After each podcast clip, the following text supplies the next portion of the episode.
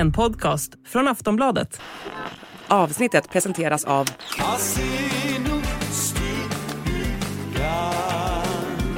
Stödlinjen.se, åldersgräns 18 år. Vi ger er en uppdatering kring kung Charles och det chockerande faktum att man redan nu kan köpa fejkade böcker om kungens cancersjukdom. Harry och Meghan har lanserat en ny hemsida som skapar svallvågor av kritik över världen.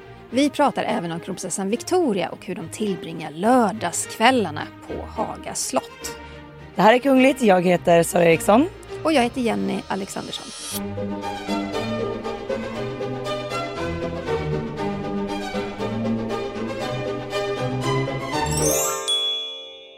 Ja, hur går det för kung Charles? Den 6 februari så meddelade det brittiska hovet att kungen drabbats av cancer. Och man upptäckte den i samband med att prinsen behandlades för förstorad prostata på sjukhus. Men man har inte berättat vad för typ av cancer det är som kungen har drabbats av. Men nu har han faktiskt lämnat sjukhuset. Han tar det lite lugnt i sin bostad i Sandringham tillsammans med drottning Camilla. Och det är ju så, Sara, han arbetar ju fortfarande. Men man har ju då plockat bort alla officiella uppdrag där han möter folk. För man vill skydda honom från eh, virus och bakterier och, och, infektioner. Och i ett pressmeddelande från hovet så tackar kungen för allt stöd han fått. Och det låter så här. Som alla som påverkas av cancer vet är sådana vänliga tankar till stor tröst och uppmuntran.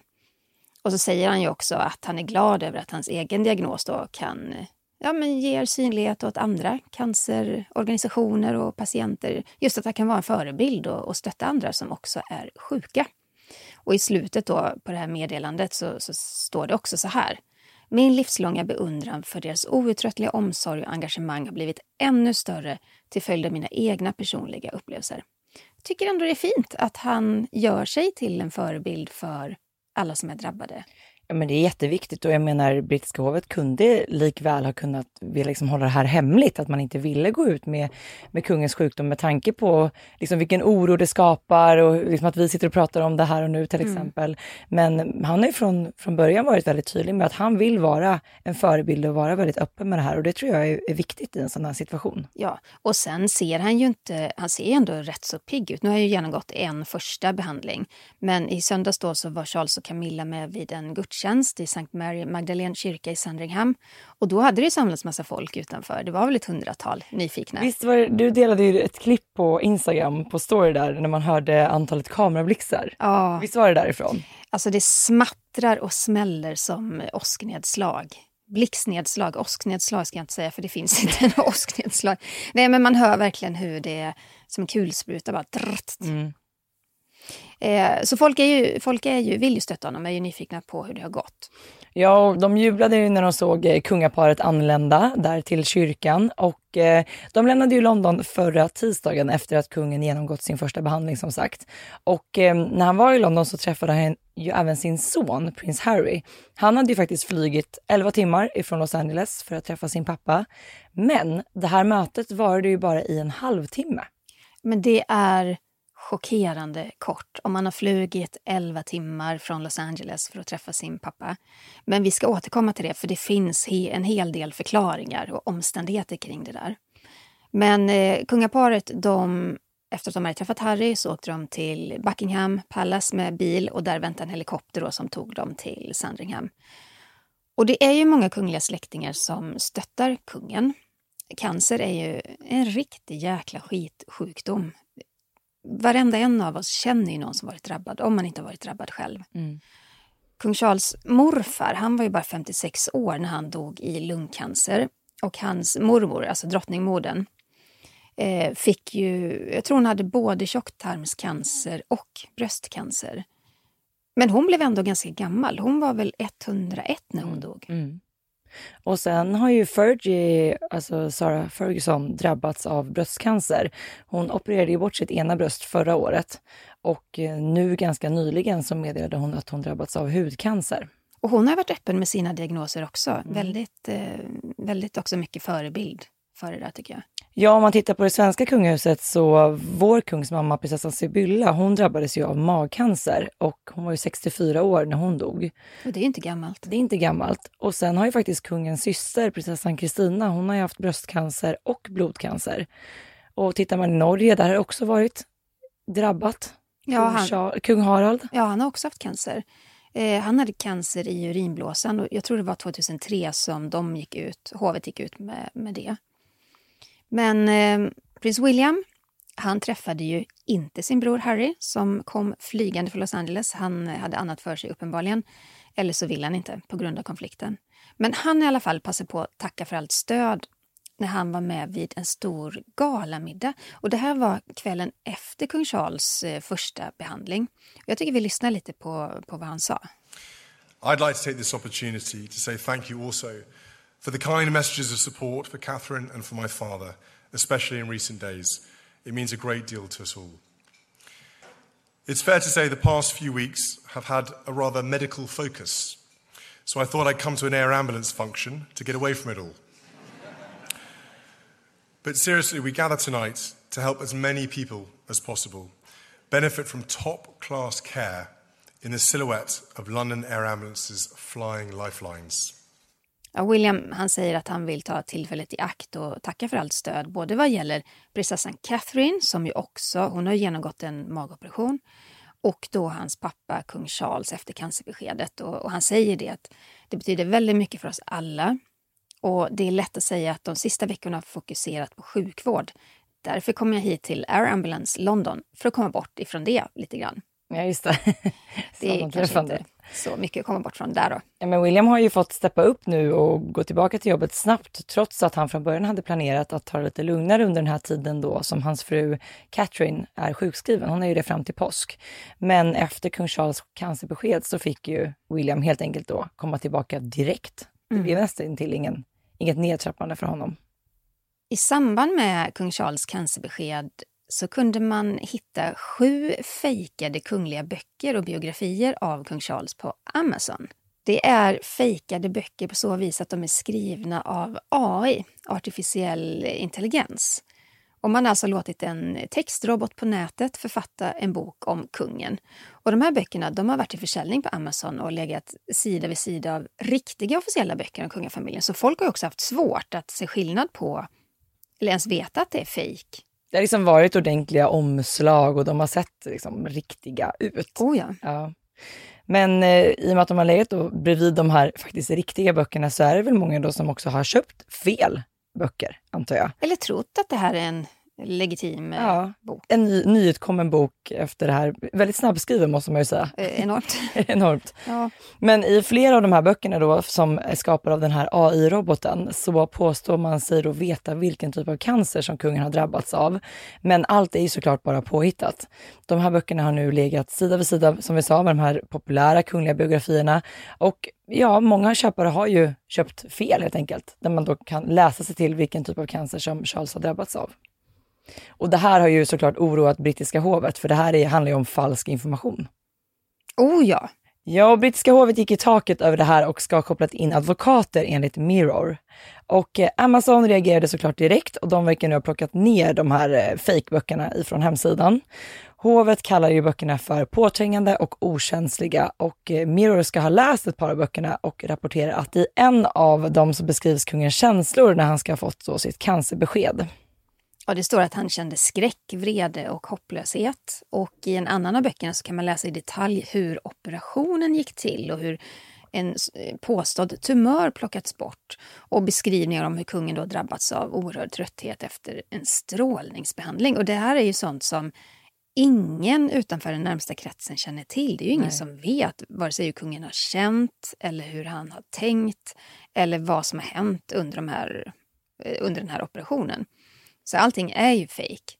Och det är ju ett problem det här med AI-genererade böcker och även artiklar med lögner och eh, bilder, fejkade bilder som kan göras med, med, med, AI också. Jag tänker speciellt på ja, men kändisar överlag, men, men också kungligheter. Hur, hur, hur sjutton ska de hantera sånt här. Det blir ju en, en ny spelplan för hoven som de måste liksom täcka när det kommer till säkerhet och vara uppmärksamma på, på detta. Alltså det är, det är en helt ny typ av mediebevakning som man måste ha ifrån hovens sida för att inte det här ska uppstå till exempel. Och om man tittar på brittiska hovet, jag menar deras nu Eh, erfarenhet av AI kan ju inte vara jättebra med tanke på dels de här böckerna som har kommit ut som man då får stoppa och koppla in advokater.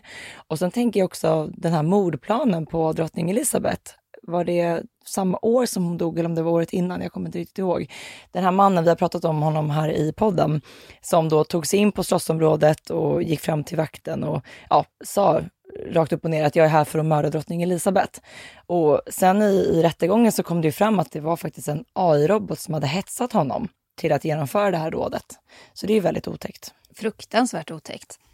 Men jag tror också att vi kommer få se mer och mer av sånt här framöver. Och, eh, alla kungliga hov måste ha någon slags eh, bevakning kring det här, någon slags förberedelse, någon slags policy. Mm, såklart. För, för utvecklingen går ju fort nu.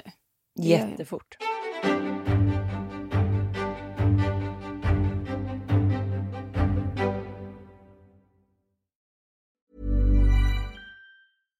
This message comes from BOF sponsor eBay. You'll know real when you get it. It'll say eBay Authenticity Guarantee. And you'll feel it. Maybe it's a head turning handbag, a watch that says it all, jewelry that makes you look like the gem, or sneakers and streetwear so fresh every step feels fly. eBay gets it. So look for the blue check mark next to that thing you love and be confident that every inch, stitch, sole, and logo is checked by experts. With eBay Authenticity Guarantee, you can trust that feeling of real is always in reach. Ensure your next purchase is the real deal. Visit eBay.com for terms. Vi ska ta oss till Danmark. Som nybliven kung och drottning av Danmark så är det ju viktigt att stärka banden som finns mellan Danmark och de närmsta grannländerna. Och på grund av det, och även på grund av släktband såklart och vänskap, så kommer Fredrik och Mary att besöka Sverige som första statsbesök i sitt regentskap då den 6 till 7 maj. Och de kommer senare under våren även besöka Norge 14 till 15 maj. Det är så härligt, jag fick från en av mina bästa vänner, hon älskar kungligheter, hon skickade den här till mig så skrev hon äntligen lite diadem och klänningar och jag håller med. Jag tror också det kommer bli eh, glittrande härligt och eh, också familjärt Mm. tror jag. Mer än vad vi har sett vid vanliga eh, statsbesök. Ja, här kan man ju förvänta sig lite, lite annan typ av, av ändå hur de integrerar med varandra med tanke på hur nära de står varandra. Oh ja, Ja, oh ja. det blir ju mer vänskapligt och en mer familjär ton. ja. Trots att det är ett väldigt officiellt liksom, besök. Precis. Statsbesök är faktiskt det mest formella möte man kan tänka sig mellan två statschefer. Det är väldigt, väldigt officiellt. Men man försöker ju välja programpunkter eh, som tilltalar då eh, paret som besöker landet. Och det ska bli jättespännande att se vad hoven, men utrikesdepartementet som också är inblandade, vad de väljer ut och eh, vad vi kommer vilja visa upp av Sverige som ändå tilltalar deras intressen.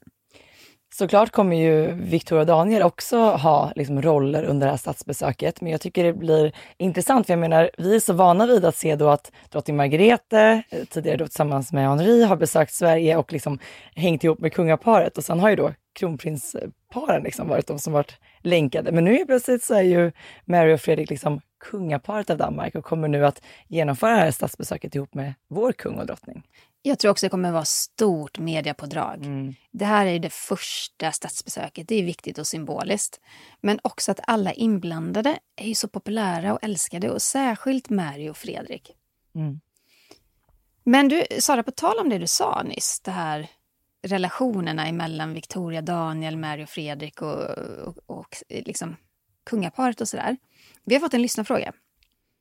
Hur kommer Victoria att behöva anpassa sig till Fredrik som kung? De är ju bästa vänner och är vänskapliga mot varandra. Men hur blir det nu? Ja, det här är ju en väldigt eh, bra fråga. Jag har sett att den dykt upp lite här och var faktiskt sen det här tronskiftet i Danmark. Eh, Victoria och Fredrik är ju liksom precis lika goda vänner idag som innan han blev kung, såklart. Men det kommer att bli en förändring och den kommer man att kunna se då som vid det här statsbesöket, vid ett officiellt sammanhang. För att eftersom Fredriks kungliga status nu är högre än kronprinsessans så kommer ju hon att niga men både för Fredrik som är kung och för Mary som nu är drottning.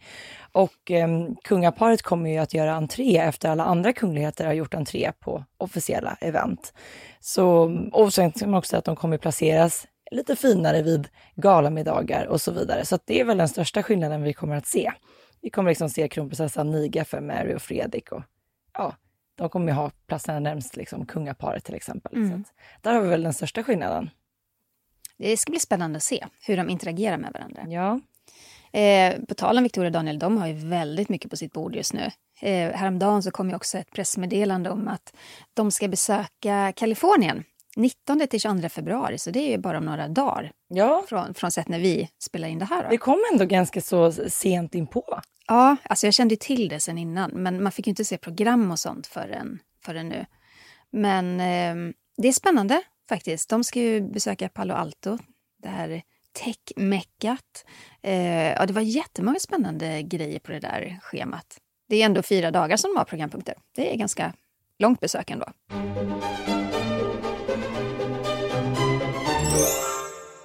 Nu har vi kommit fram till veckans Harry och Meghan.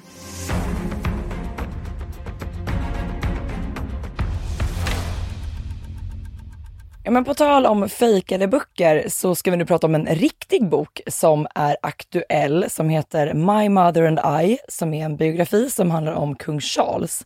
Och den är skriven av hovexper- hovexperten Ingrid Seward som bevakat brittiska kungahuset i över 40 år. Så det känns som hon har, hon har koll på det brittiska hovet, får man lov att säga.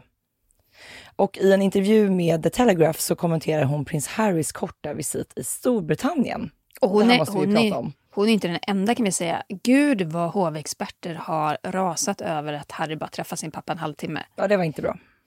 Hon, eh, alltså Ingrid Seward säger i alla fall att hon anser att Harry är en fara för kungen. Att det alltid finns och kommer att finnas en fientlighet i luften.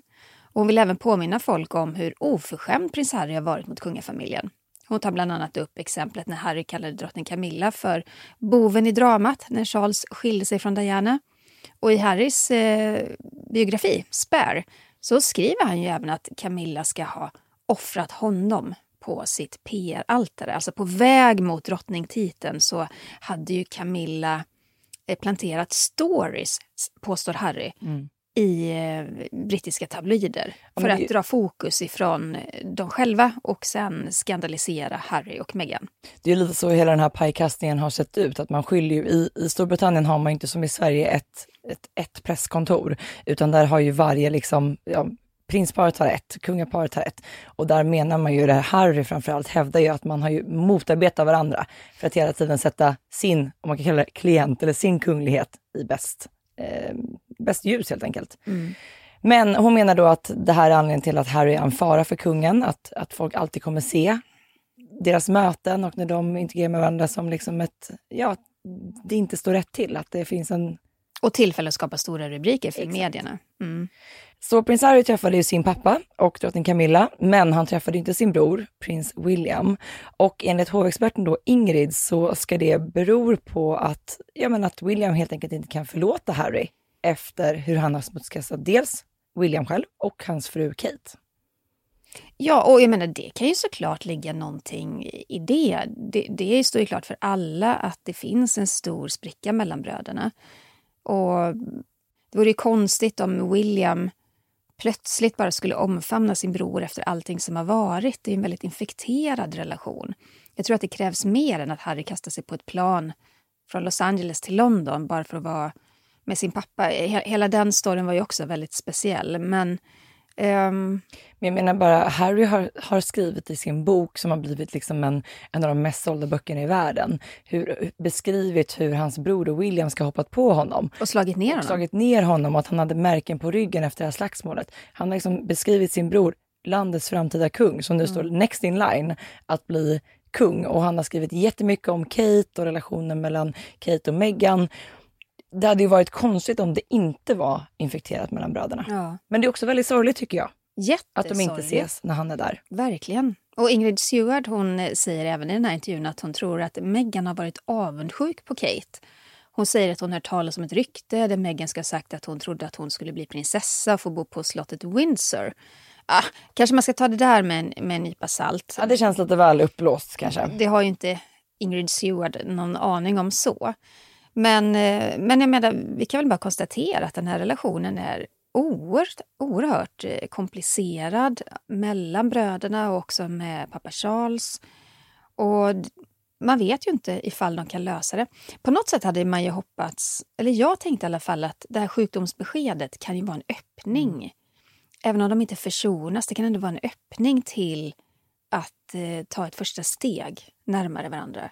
Ja, och det faktum att Harry faktiskt kan komma att behöva steppa in igen, det, det vet vi inte. Men mm. William är ju nä näst in line och eh, därefter kommer hans tre barn, men de är ju alldeles för små mm. för att ta, ta sig an ett kungligt uppdrag. Och sen är det ju faktiskt Harry som står på tur.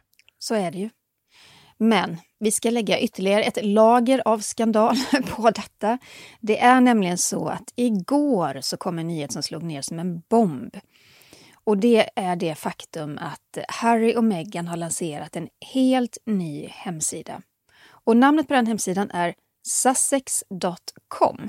De använder alltså sina kungliga titlar på sin hemsida. Och om jag ska beskriva den här sidan lite grann så på startsidan då ser man en bild på Harry och Meghan. De klappar händerna, de skrattar, man ser att de sitter i, eh, i, i en publik. Och vi har fått reda på att det är vid Invictus Games 2023. Och längst upp på hemsidan så kan man se Megans vapensköld. Ni vet det här emblemet, eh, jag tror det är lejon på och någon krona, som hon då fick när hon gifte sig med prins Harry. Och det var drottning Elizabeth som, som gav det till henne. Ja, och ni som lyssnar på podden vet ju att vi pratat om det här många gånger förut och det handlar ju just om det här när kungligheter blandar ihop sina kungliga titlar med egen kommersiell verksamhet. Och nu handlar det återigen om Harry och Meghan i det här fallet, som sedan 2020 inte längre är en del av det kungliga huset. De arbetar inte för brittiska monarkin och får därför inte använda sig av sina kungliga höghetstitlar. De har ju dessutom båda två varit väldigt bra på att öppet och ärligt pratat ner det brittiska kungahuset. Men när det kommer till att använda sina titlar då kopplade till monarkin i kommersiella syften, ja men då verkar de väldigt gärna vilja se sig själva som en del av monarkin. Mm. Och nu riskerar ju Harry och Meghan att hamna i en fördjupad konflikt med kungafamiljen. Eh, paret har alltså ersatt sin Archewell-hemsida, för det var så den hette mm, tidigare, mm, mm. med sussex.com.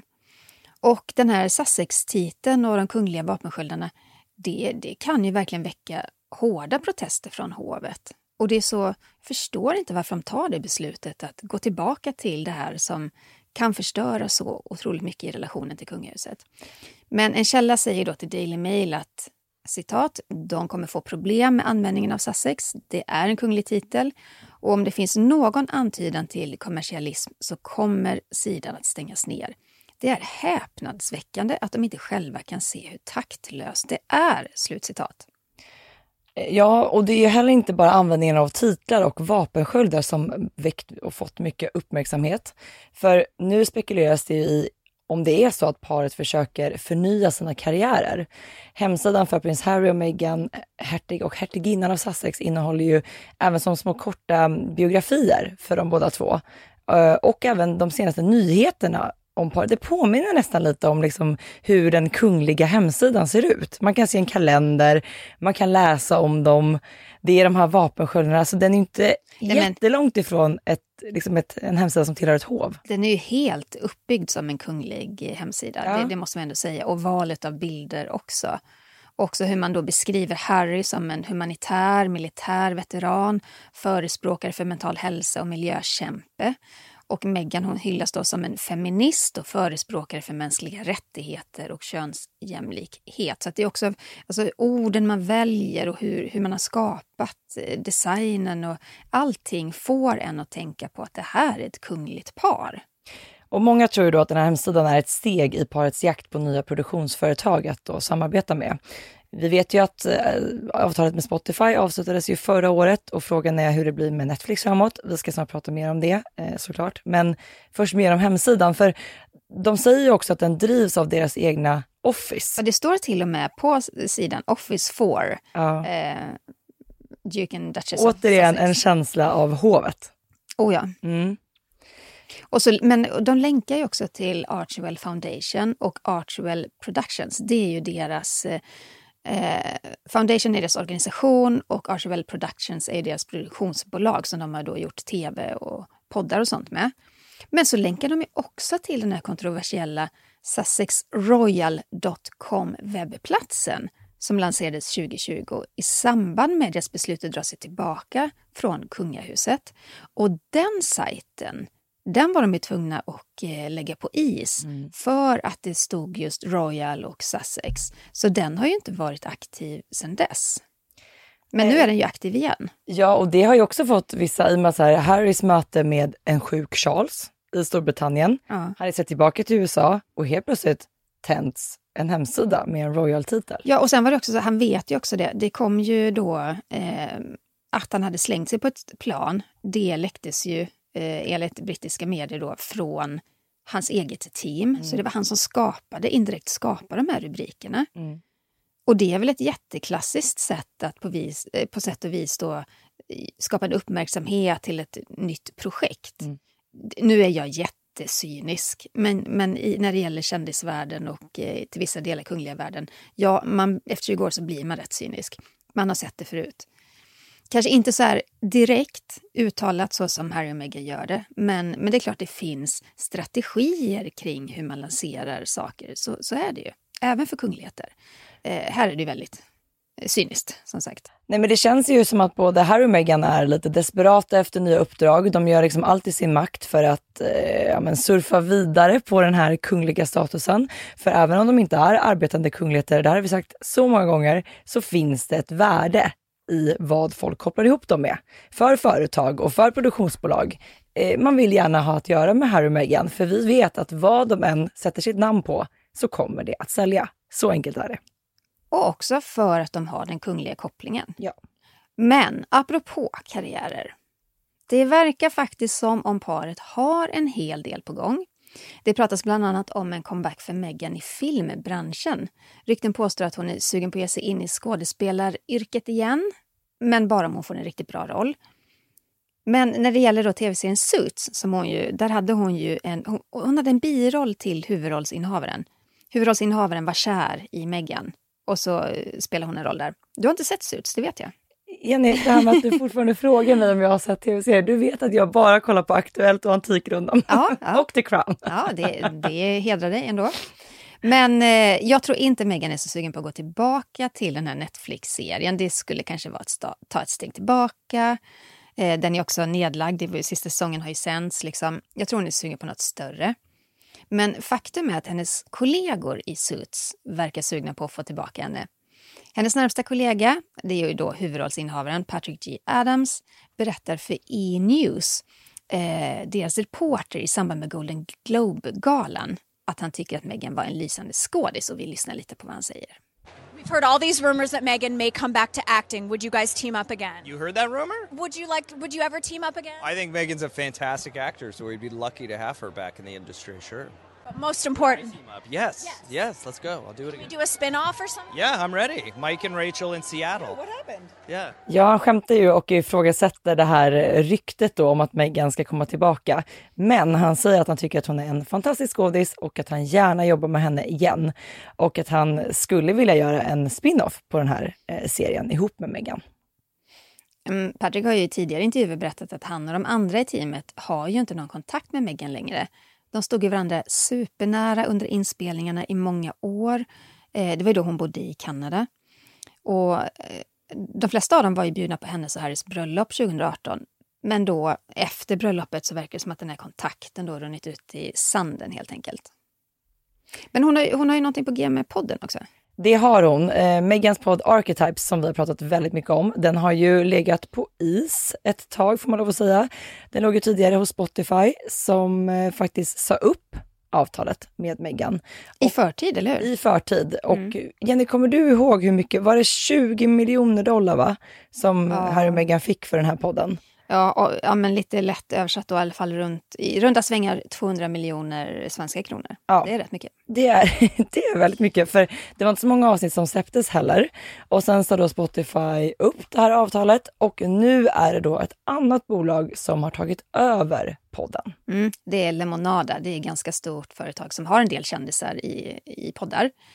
Eh, jag tänkte också på det här med, med, med, Spotify. De var ju ganska tydliga och ärliga sen efteråt och gick ut och sa att eh, det här paret är drifters, alltså att de är lurendrejare. De uppfyller inte produktionskraven. Det var en av cheferna på Spotify som, som sa det. Men, eh, men hur som helst, eh, Meghan har fått napp någon annanstans. Eh, och den här nyheten fick vi ta del av när Megans goda vän Misan Harriman, han är fotograf när han publicerade en ny bild på Meghan och då hade skrivit en text då i sitt inlägg om den här nyheten. Jag tycker det är intressant med den här fotografen tillika parets vän, för han har ju nästan kommit att bli lite som parets PR-person. Jag menar, vi har ju flera gånger fått tagit del av stora nyheter som gäller Harry och Meghan via den här fotografens Instagramkonto. Ja, men lite som han, författaren eh, av den här boken Finding Freedom. Omid eh, Scooby. Omid Scobie. Mm. Han har också läckt nyheter och av, avslöjat grejer om, om paret. I, till deras favör, ska man då säga. Ja, det, det, har aldrig kommit några dåliga nyheter från de här två personerna, det ska, det ska sägas. Men jag tycker det ska bli väldigt intressant med tanke på att man slog på stora trumman när de signade det här kontraktet med Spotify. Det blev en säsong och eh, till en början man, man började med någon form av teaser, trailer som låg ute. Sen tog det ganska lång tid innan avsnitten började på att släppas. Och sen när de väl släpptes, det var inte särskilt kontinuerligt. Och sen helt plötsligt var den borta. Så det ska bli väldigt intressant att se hur man lägger upp den här podden nu. Mm. Ja men verkligen. Mm.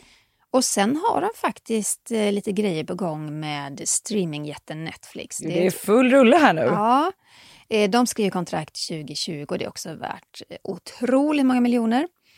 Och man har, ju, man har ju misstänkt att kontraktet inte kommer förlängas. Det har kommit en dokumentärserie med Harry och Meghan, men inte så mycket mer. Men Netflix mediechef Bela Basharia, fick frågan om vad paret gör och hon svarade citat. De har ett par saker på gång, men utan manus och som de arbetar på med Brandon Rigg. Så någonting är i görningen där i alla fall. Ja, hon avslöjade även att paret då jobbar med en film som, och titulerade den själv som citat fantastisk. Och eh, efter hennes uttalande så har hon avstått från att lämna ytterligare detaljer om den här. Jag kan anta liksom, att hon har fått väldigt många följdfrågor. Hon har väl blivit bombarderad, ja. tänker jag. Så nu har hon då valt att inte lämna ytterligare detaljer om den här filmen. Men Harry och Meghan då som är medgrundare till Arshwell Productions från 2020 ska då ha köpt rättigheterna har du koll på vad det här är för mm. bok, Jenny? Eh, jag har inte läst den, men det är en bästsäljande bok och den heter Meet Me at the Lake och det är Carly Fortune som har skrivit den. Eh, och rättigheterna köptes då i augusti 2023 av Penguin Random House och det är ju samma förlag som gav ut Harrys biografi Spare. Just. Så de har ju då en nära kontakt med Harry och Meghan. Och Archewell har då förvärvat filmrättigheterna till den här bästsäljande romanen. Och eh, som svar på nyheten så berättar författaren Carly Fortune för Vogue att jag är så uppspelt över att få arbeta med Netflix Archewell för att föra Meet Me at the Lake till skärmen, eller skärmarna. Så det verkar ju som att den här gången så kommer vi inte se Harry och Meghan framför kameran, vi kommer se dem mer bakom kameran. Ja, och det kanske är en framgångsstory. Jag vet inte. Många strängar på sin lyra. Anar jag en viss misstänksamhet här? Nej, jag tycker bara, ja jag vet jag ska vara neutral och allting men jag tycker bara det är, det är ju väldigt många olika projekt hela tiden och jag tycker bara att det vi har sett tidigare med den här podden till exempel, att så här, ah, det går liksom sällan hela vägen in i mål. Nej men det kan jag hålla med om. De, de har höga, eller vad, här, stora drömmar kring Ambitionsnivåer, projekt. allting. Ja. Och sen, jag menar, tänk dig bara hela det här Spotify-kontraktet. Det handlade om en podd. Liksom. Ja. Och det bara gick åt pipan med den. Jag tror att idag hade de inte fått en miljard för eh, ett Spotify-kontrakt. Eller det var väl rätt i tiden då också. Så det var ganska nytt att de precis hade klivit ut i kungahuset. Alltså man, och man trodde ju faktiskt lite utifrån att den här podden skulle handla mer om Harry och Meghan. Sen när den väl var igång så visade det sig att det var ju väldigt mycket fokus på inbjudna gäster och mer skapa olika porträtt varje vecka snarare mm. än att, att Harry och Meghan delade med sig av sitt privatliv. Mm. Vi får väl se då, vad, om det här nya företaget kan få in dem på någon bra kurs. Liksom. Ja, vi kommer såklart att följa detta.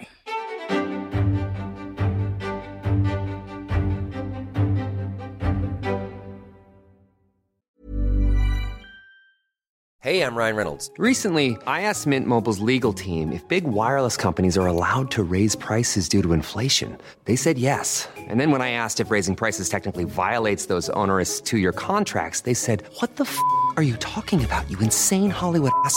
So to recap, we're cutting the price of Mint Unlimited from $30 a month to just $15 a month. Give it a try at mintmobile.com slash switch. $45 upfront for three months plus taxes and fees. Promo rate for new customers for limited time. Unlimited more than 40 gigabytes per month. Slows. Full terms at mintmobile.com. Men det ser inte ljust ut för paret på alla håll. För sen Harry och Meghan lämnar kungahuset så har man kunnat se att deras popularitet det har fortsatt nedåt med dåliga siffror. Och det gjordes en, ganska ny, gjordes en undersökning ganska nyligen. Det var när kung Charles eh, fick sitt sjukdomsbesked. Då var det Ipsos som genomförde en ny studie. Och eh, 47 procent av de tillfrågade hade då en negativ åsikt om prins Harry. 23 procent av de tillfrågade hade en positiv åsikt om honom. Så nästan Hälften av de tillfrågade. ja, var negativa till prins Harry. Och det blev nästan ännu värre då för, för Meghan. För där var det 54 procent av de tillfrågade som hade en negativ åsikt. Och endast 18 procent som, som avslöjade då att de tänkte positivt på henne. Ja, och det är en nedgång med hela 5% sedan sist man gjorde den här undersökningen. Och de gör ju faktiskt den relativt ofta ändå, får man lov att säga. Och eh, många tror ju då att det här handlar om att 2023, förra året var ganska turbulent för paret. Jag menar, Harry gav ut sin självbiografi, det här som vi precis pratade om, Spotify-avtalet, eh, kontroversiella utgivningen av den här boken Endgame av författaren Omid Scooby. Ja, det är klart att det påverkar hur folk ser på paret. Mm. Sen tror jag man får skilja lite på det också vad gäller Storbritannien och till exempel USA där de bor nu. I USA verkar folk vara mycket mer positiva till Harry och Meghan. Men där är de ju också mer kändisar. Ja, där är de mer kändisar, mer, mer än, än kungligheter på det viset. Även om jag tror amerikanerna gillar att de har kungliga titlar och så vidare. Det ger ju lite stjärnglans, extra stjärnglans till det hela. Men, men jag, jag kan märka också, jag har många amerikanska vänner, jag kan märka att de är inte lika hårda eller negativa mot Harry och Meghan. De, de kan inte riktigt så här identifiera sig med kungahuset och de tycker väl att det är väl bra att eh, någon är rebellisk mot dem. De gillar det. Ja, de gillar Mm. det. Så det är lite skillnad på var man bor, vad man tänker kring paret.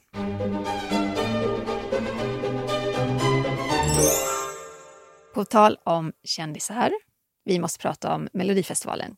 Det måste vi göra. Lite otippat i kungligt podcast. Ja, men eh, vi har fått frågan ett par gånger om eh, Victoria och Daniel följer Melodifestivalen, eller hela familjen på Haga för den sakens skull.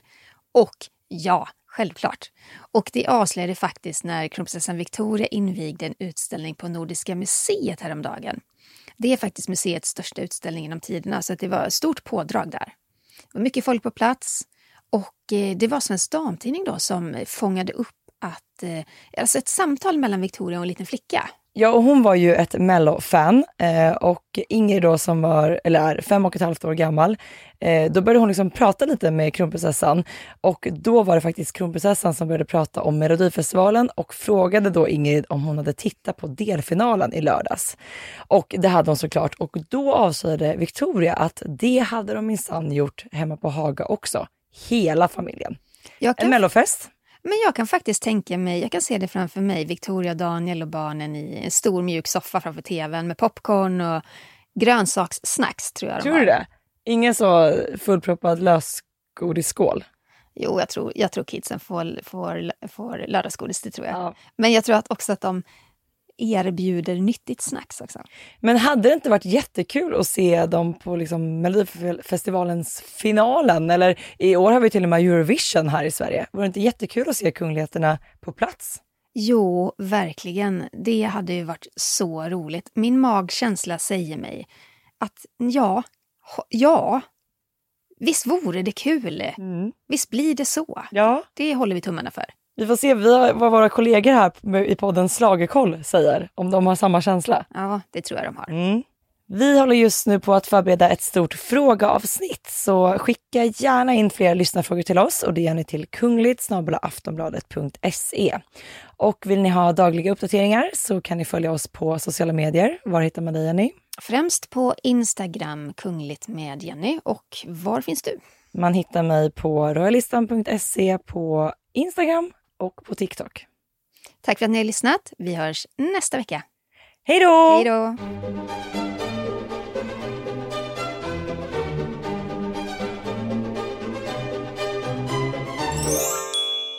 Du har lyssnat på en podcast från Aftonbladet.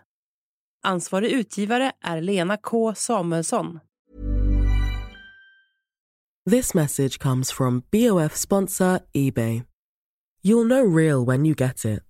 It'll say eBay Authenticity Guarantee. And you'll feel it.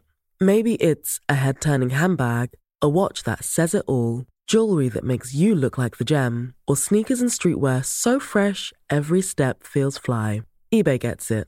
So look for the blue check mark next to that thing you love and be confident that every inch, stitch, sole, and logo is checked by experts. With eBay Authenticity Guarantee, you can trust that feeling of real is always in reach. Ensure your next purchase is the real deal. Visit eBay.com for terms.